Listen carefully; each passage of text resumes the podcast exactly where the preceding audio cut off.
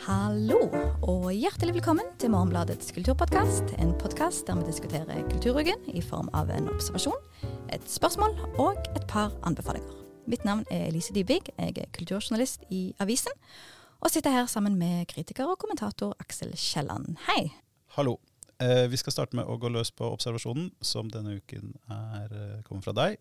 Og hva har du observert denne uka? Jo, i eh, jeg begynner godt skal ta oss tilbake til våren 2012, da jeg jobbet på eh, Shakespeares Globe, Okay. utendørsteater i London. Da hadde det òg vært en uh, eskalering av væpna konflikt, uh, Israel-Palestina. Det var amper stemning overalt, og uh, teatret hadde da invitert Israels nasjonalteater, Habima, til å komme og spille Merchant of Venice, kjøpmannen i Venedig. Dette var en del av en sånn global teaterfestival, og uken før så hadde et palestinsk teaterkompani vært og spilt Rikard 2. Så de prøvde si at vi tar ingen sider. Men eh, masse kulturpersonligheter hadde gått ut og ment at forestillingen måtte avlyses, og invitasjonen trekkes tilbake. Og eh, mens andre kulturpersonligheter mente at eh, nei, er det noe vi trenger nå, så er det teater. Som veldig sånn forutsigbart på den måten. Og så når jeg da kommer til teateret, i forkant så har du blitt, fått beskjed om sånn streng, at her er det litt ekstra strenge regler som er, er i gang. Det må kanskje sies, jeg jobbet ikke som skuespiller, jeg jobbet som steward. som vil si at jeg viste folk til plassene sine, sa at de ikke fikk lov til å ha ølglasset sitt på scenen, og sa at det ikke var lov å filme. Eh, Det var typiske ting som jeg måtte gjenta og gjenta. Så når jeg kommer til teateret, så er det tre svære demonstrasjoner utenfor teateret.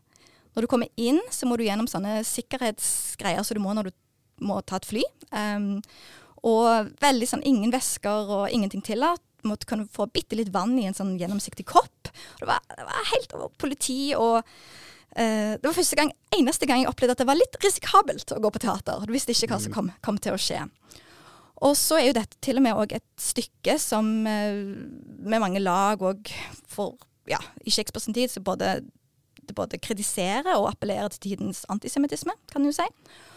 Og så inne på teateret når det går i gang, og det kan jo si at grunnen til at mange ikke ville ha dette mm, eh, teaterkompaniet her, var at det hadde da spilt på israelske bosetninger. Så det var liksom litt av, av konteksten.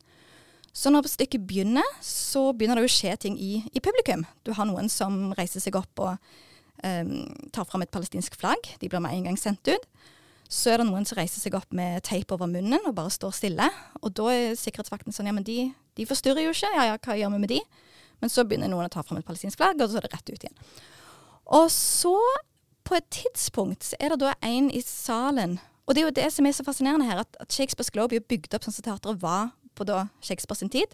Så det er lyst det er på våren, så er, du kan se publikum like godt som du kan se de på scenen.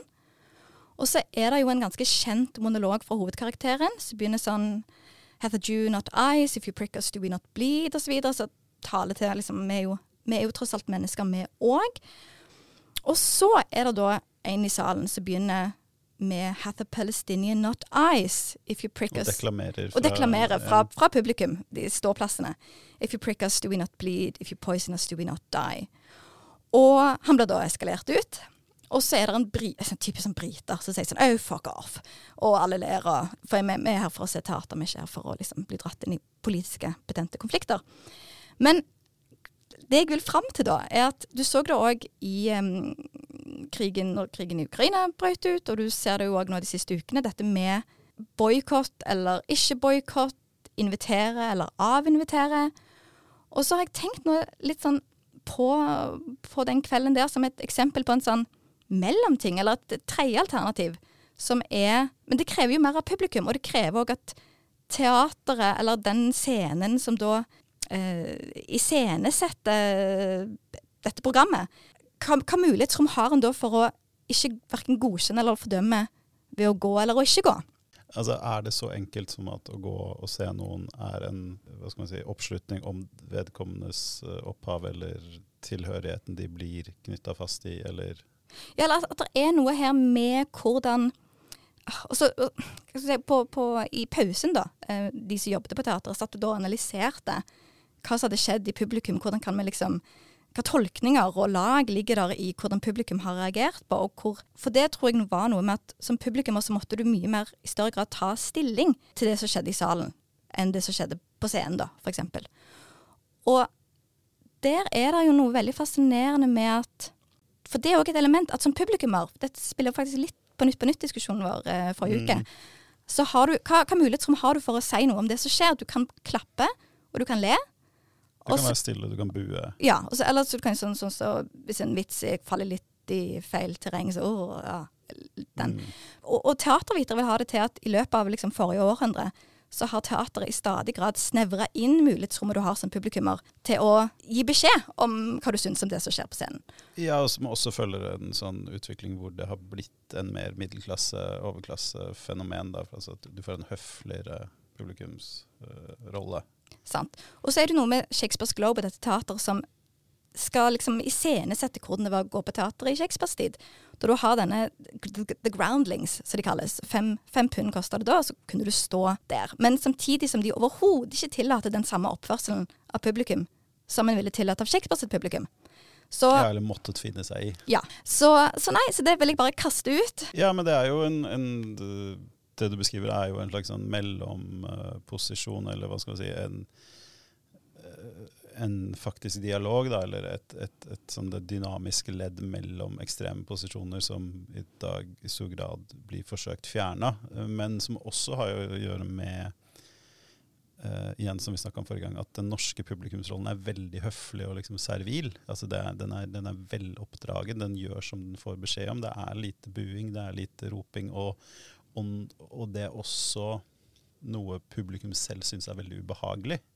Men det er jo, jeg vet ikke, eh, demokrati i praksis, eller, Nei, For det var i hvert fall en veldig et sånn eller annet sånt. ja, interessant oppvisning av Og og jeg tror særlig det at hvis du velger å bruke den kulturelle konteksten du er i, at her framfører vi et stykke som både På mange vis så- så framfører det jo antisemittiske stereotypier, men det òg snakker til en annen type menneskelighet.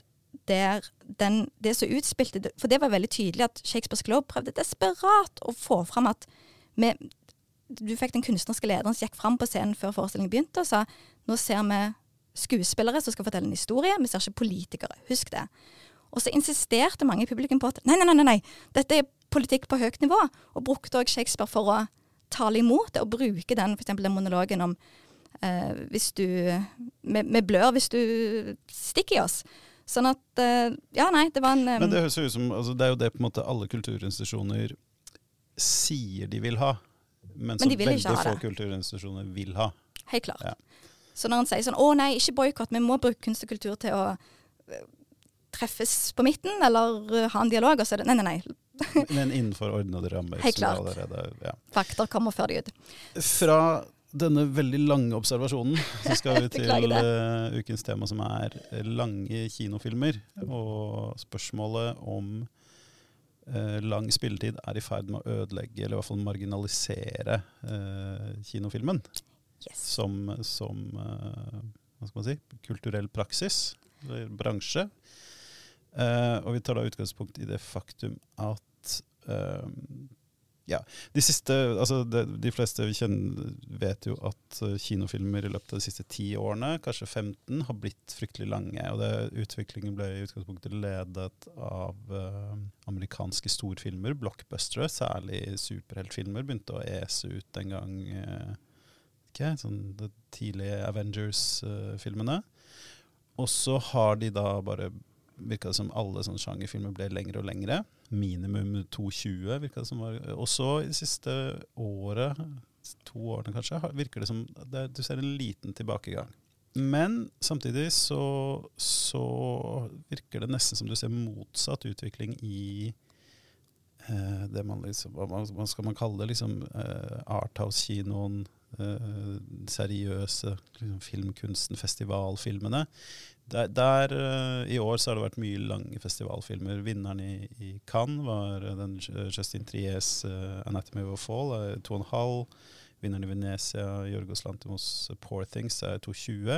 I utgangspunktet er ikke det noe sånn oppsiktsvekkende i seg selv, men, men, det er veldig påfallende mange av årets sånn, mest kritikerroste og, og imøtesette filmer i det segmentet, som er godt over to, to timer. Og så skjer jo dette da i en tid hvor um, Kan jeg bare nevne, for, for, for, akkurat nå så kan du gå på kino og se den Martin Scorsese-filmen, 'Killers of the Flower ja. Moon'.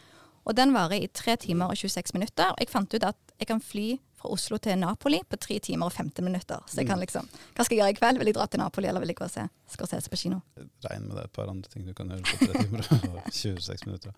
Men um, dette skjer jo da i en tid hvor, uh, hvor folk svikter nettopp denne typen filmer. Altså Det har jo vært arven etter pandemien, er at kinoen, uh, etter å ha vært nedstengt ganske lenge, klart altså, sånn, uh, besøket på de store underholdningsfilmene har kommet seg i stor grad tilbake. Det er ikke helt der det var, men, men liksom bedre enn mange frykta. Mens øh, det er mellomsjiktet, da, liksom de små mellomstore dramaene, filmer, det man liksom tenker på som filmer for voksne mennesker, og kanskje særlig da de som har blitt sett av øh, gamle mennesker, der har øh, de har funnet ut at de kan se på TV. De har fått seg Mubi, de har fått seg, kanskje de har fått seg Criterion Channel, eller kanskje begynt å kjøpe DVD-er igjen.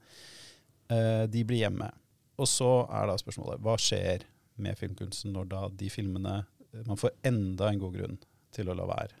Ja, For du tenker ikke at det er positivt at uh, nå får du tre pluss timer med Scorsese på sitt beste? Det fins jo filmskapere jeg ville Altså, Hadde det vært en ny David Lynch-film, hadde jeg vært veldig glad hvis den var fire timer. Men, men det er ikke mange regissører hvor jeg tenker sånn Yes, liksom, i hvert fall tre timer. Nå har vi, nå har vi blitt velsignet med, med, det.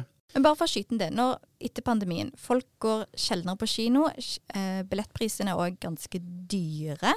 Når jeg skulle se Tom Cruise sin siste Mission Impossible-film, så tror jeg det kosta meg 260 kroner for en billett. Men det var på en det var IMAX? IMAX ja, ja, stemmer. Sånn at det er noe fascinerende med hvordan teknologi og kinoer og filmlengde jobber sammen eller mot hverandre? Ja, for det er det, det, er det som jeg syns er den interessante dynamikken her, er at uh, Det starta før pandemien, men du kan, du kan si at det akselererte. At uh, kinoene i praksis bare har gitt opp å trekke til seg flere publikummere. Uh, noen har sagt det helt åpent, liksom, liksom sagt det rett ut, at det kommer folk, færre folk på kino, men det gjør ikke noe fordi vi tjener mer på de som kommer. Og du ser uh, Nylig så la jo Bergen kino De har renovert en av sine kinoer, før, som het, før, uh, før het Magnus Barfoten, nå heter den Lux. der har de bytta ut alle de normale setene med luksusseter. Det vil si mange færre seter i salen, dyrere seter. Og du har jo en eh, det, På Klingenberg 1 i Oslo skjedde det også for ikke så lenge siden. Eh, du har en utvikling hvor du får uh, mer alkoholservering, matservering på kinoene. Og det er en sånn generell Altså det, Da passer det at en film er lang. Hvis du skal spise noe, du skal liksom, kanskje du skal kjøpe en flaske av noe. Ja, og da er det jo ofte òg at gjerne regissøren kommer, eller noen som har vært involvert i forkant, eller dratt arrangement før eller etterpå. Ja, det, det kan man jo ikke gjøre. I, ja, men, men det, ja, jeg, jeg, var, jeg, hadde et forferdelig besøk på en, en, en, kino i London for uh, en måned siden. Uh, hvor vi uh, fordi, fordi nettsidene til den bra kinoen aldri fungerer så endte vi opp på en uh, Everyman-kino, ja. som hadde lite lerret, sofaseter, et kjøpepress jeg ikke har vært i nærheten av. altså sånn, Først så kommer du inn i en, en bar hvor du liksom skal ikke, skal ikke, ha, en, skal ikke ha en whisky sour, da? Skal ikke ha noe, skal ikke ha noe nachos? Kom igjen. Og så vedvarer det kjøpepresset inn i salen. På et tidspunkt så tror jeg jeg talte sånn fire-fem servitører som skulle da beverte 13-14 publikummere. Mm. Filmopplevelsen er ganske liksom, altså Pga. det lille lerretet, den, den, ikke spesielt gode lyden, er jo ikke noe, noe å skryte av. Men det mest fascinerende er jo da at selve ideen om kino som i, den, i, det store bildet en billig kveld ute. Så masse underholdning. Ja, men en billig kveld ute, liksom, mm. den har helt forsvunnet. Det, altså, det, det, koster da, det ville da kosta oss like mye som på en vanlig bar, og så mm. i tillegg så hadde vi en kinobillett på 270 kroner. Det er en veldig sånn uh, kjip og trist utvikling, syns jeg. Og, og jeg syns det, det, veldig åpenbart at det er en del av samme trend som de ganske ville billettprisene man ser på, på konserter og standup og sånn de siste året. For, for den, er, den tenkningen da egentlig til stede flere steder at vi vil ha maks ut av de som dukker opp, snarere enn å prøve å nå et ja. å, nå nye folk, da? Eller ja. å få gamle folk til å komme tilbake, eller? Ja, det, altså det blir jo den der ut, det, Man har snakka om det lenge i Hvorfor har de ikke da pauser nå i, i Scorsese? Hvis tanken er at folk da må ha, få seg noe å drikke, må få seg noe å spise. For sånn som jeg, jeg kom akkurat når filmen begynte. Jeg hadde ikke spist lunsj. Jeg ville ikke gå glipp av åpningen. Så satt jeg jo der og ja, Nei, jeg vet ikke. Det, om, om, kommer man til å få det etter hvert? Det er et godt spørsmål. fordi altså, I utgangspunktet så gir det jo altså, I utgangspunktet er det dårlig business for kinoene med lange filmer. fordi i utgangspunktet så koster billetten til en 3,5 time film det samme som en 1,20-film. Men du kan vise en 1,20-film kan du vise mange flere ganger i løpet av en dag, tjene mer penger. Men la oss si at du da uh, skaper en oppfatning om at disse lange filmene er liksom, dette er en begivenhet da eh, kanskje folk blir mer eh, villige til å liksom Kjøper de ditt, kjøper de datt, kjøper de Men ja, og da kanskje du enda liksom mer kan øke inntjeningen med en liten pause. Men det kan også eh, hende at du da liksom bare strekker ut filmen over et bristepunkt. da. Hvis du legger inn 20 minutter ekstra, så liksom kanskje du skyver enda en film ut. Så det er lettere å gå i pausen hvis du er ikke så begeistra Ja, men da har du allerede betalt, ja, det så det er mindre å rydde for, eh, for mannskapene. Men det er jo, en sånn, det er jo en sånn, virkelig en sånn tanke som jeg syns har vært bekymringsverdig lenge, da. Mm. og som, som ikke har kommet like langt i Norge som andre steder, det skal sies. Men den der tanken om at nå må vi bare suge så mye penger ut av disse folka som overhodet mulig. Det blir sånn, det blir sånn fly... Altså du, du, du, kinoen skal bli den nye flyplassen. da, altså at den der at Du kommer inn der, og så bare mister du alle begreper om hva ting skal kjøpe, hva skal koste. Ja.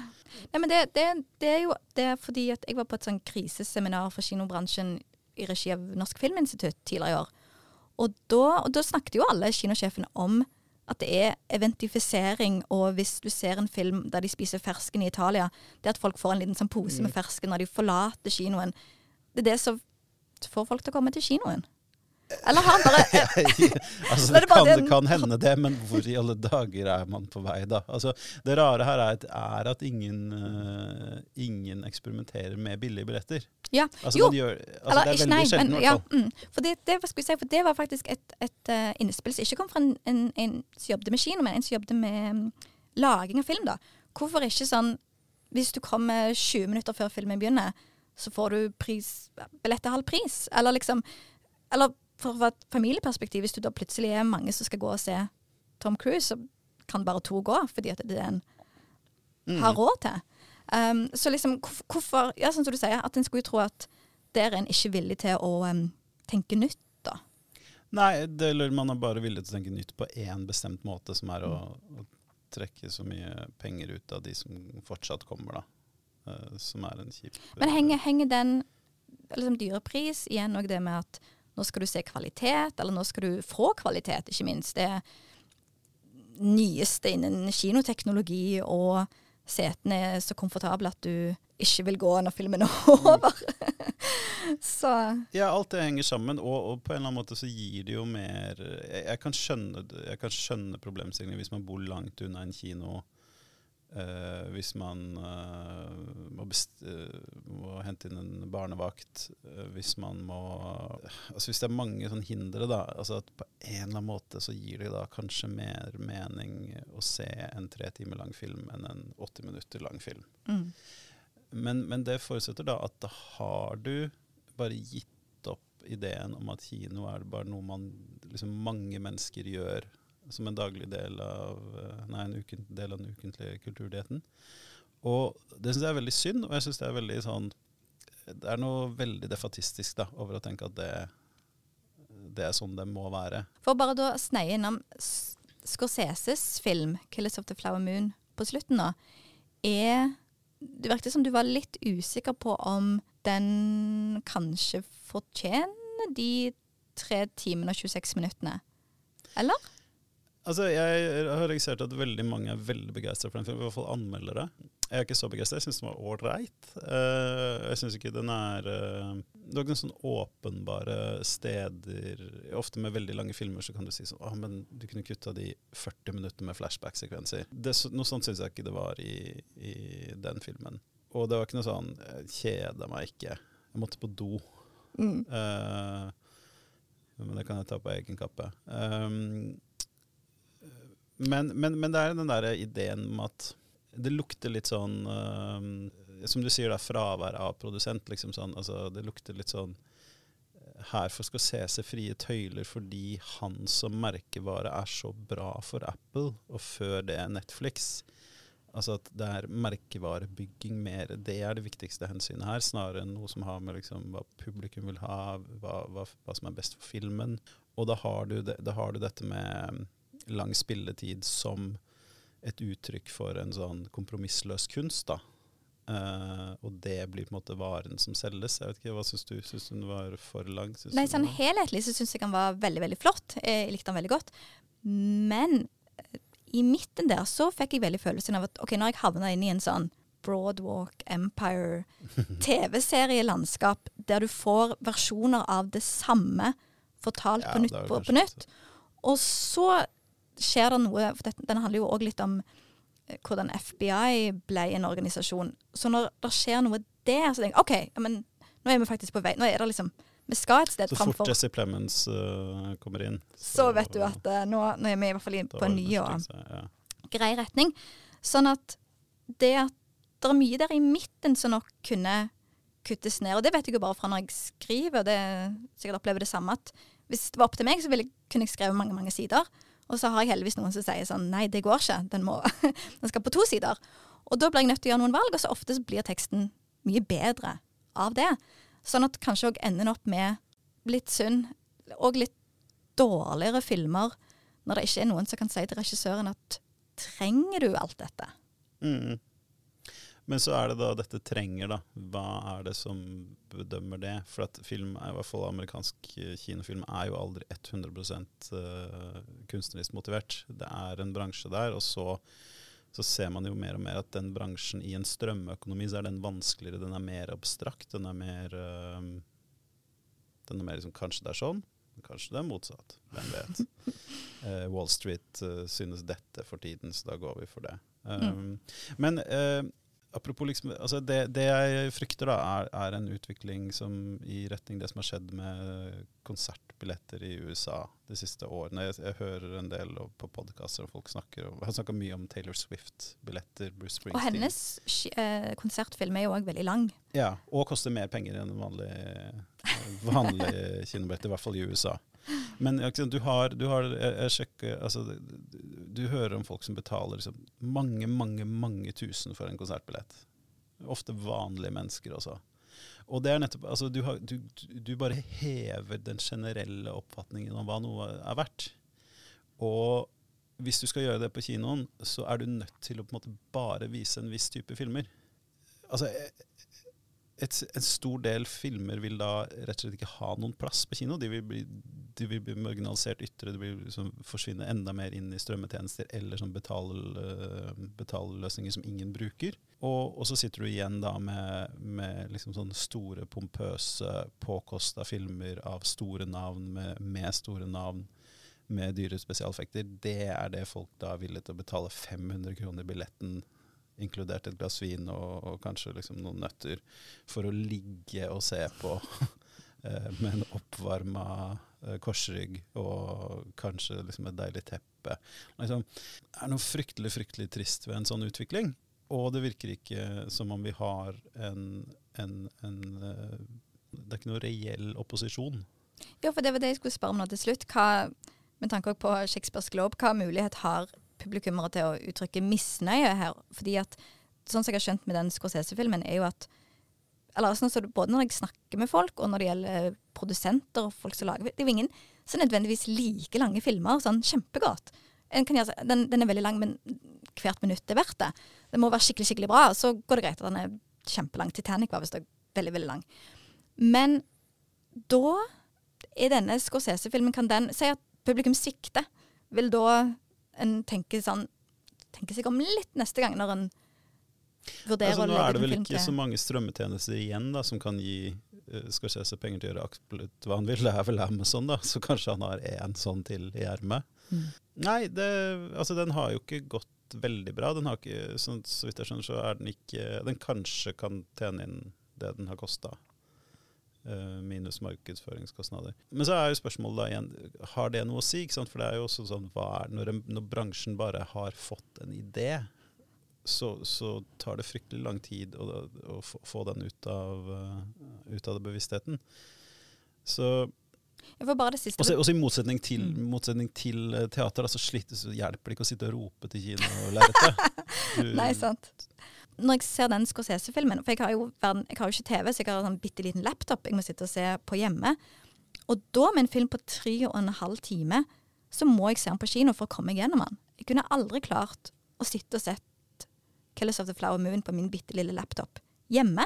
Det hadde jeg gitt opp jeg- med en gang. Altså, det, eller, ja, jeg kunne vel fått det til, men da hadde jeg delt den opp som en TV-serie. Sett den over en uke eller noe sånt. Og jeg vil jo jeg helst gjerne Jeg er veldig glad for at Scorsese insisterer på å få vist filmene sine på kino. Han er en, fortsatt en veldig, veldig viktig liksom, talsmann for kinofilmen og alt det der. Eh, men jeg syns likevel han spiller inn i en utvikling som, som er bekymringsverdig. Eh, og som jeg håper noen kommer på banen og, og, og snakke mer om. Og jeg tror jo de fleste, de fleste vil heller se en halvannen time lang film enn en tre timer lang film. Altså Alle jeg kjenner har et eller annet nivå av det der mm, når de ser spilletiden, og den er veldig lang. Og det betyr ikke at man liksom ikke er noe, er noe mindre Eller kanskje man er litt mindre opptatt av den, den helt frie uh, utfoldelsen, men uh, det Men, men det er jo klart at på tre og en halv time så, så må du vurdere hvilken del av dagen du skal gi slipp på osv. på en helt Mm. annen måte enn den filmen til en, Ja, ja. time og 30 minutter, eller 40 minutter. Da får vi se om eh, noen gjør opprør og um, vet ikke, går det an å s- oppfordre til å gjøre det. ja. Oppfordre til billige kinoer. Hva vil du anbefale i dag, da? Skal veldig kort. Jeg har så vidt nevnt den tidligere, men jeg har endelig fått lese Daniel Close' uh, nye tegneseriebok 'Monica'. Uh, og den likte den veldig godt. Den uh, er nå å få tak i i hvert fall enkelte norske tegneseriebutikker. Så gå og kjøp den. Det er Close som han, det er det beste han har gjort siden uh, Eight Ball. Så gå og kjøp eller lån på biblioteket når den tid kommer. Jeg, har, um, jeg hører ofte på en, eh, et svensk radioprogram som heter Stil. Så eh, Sveriges Radio lager.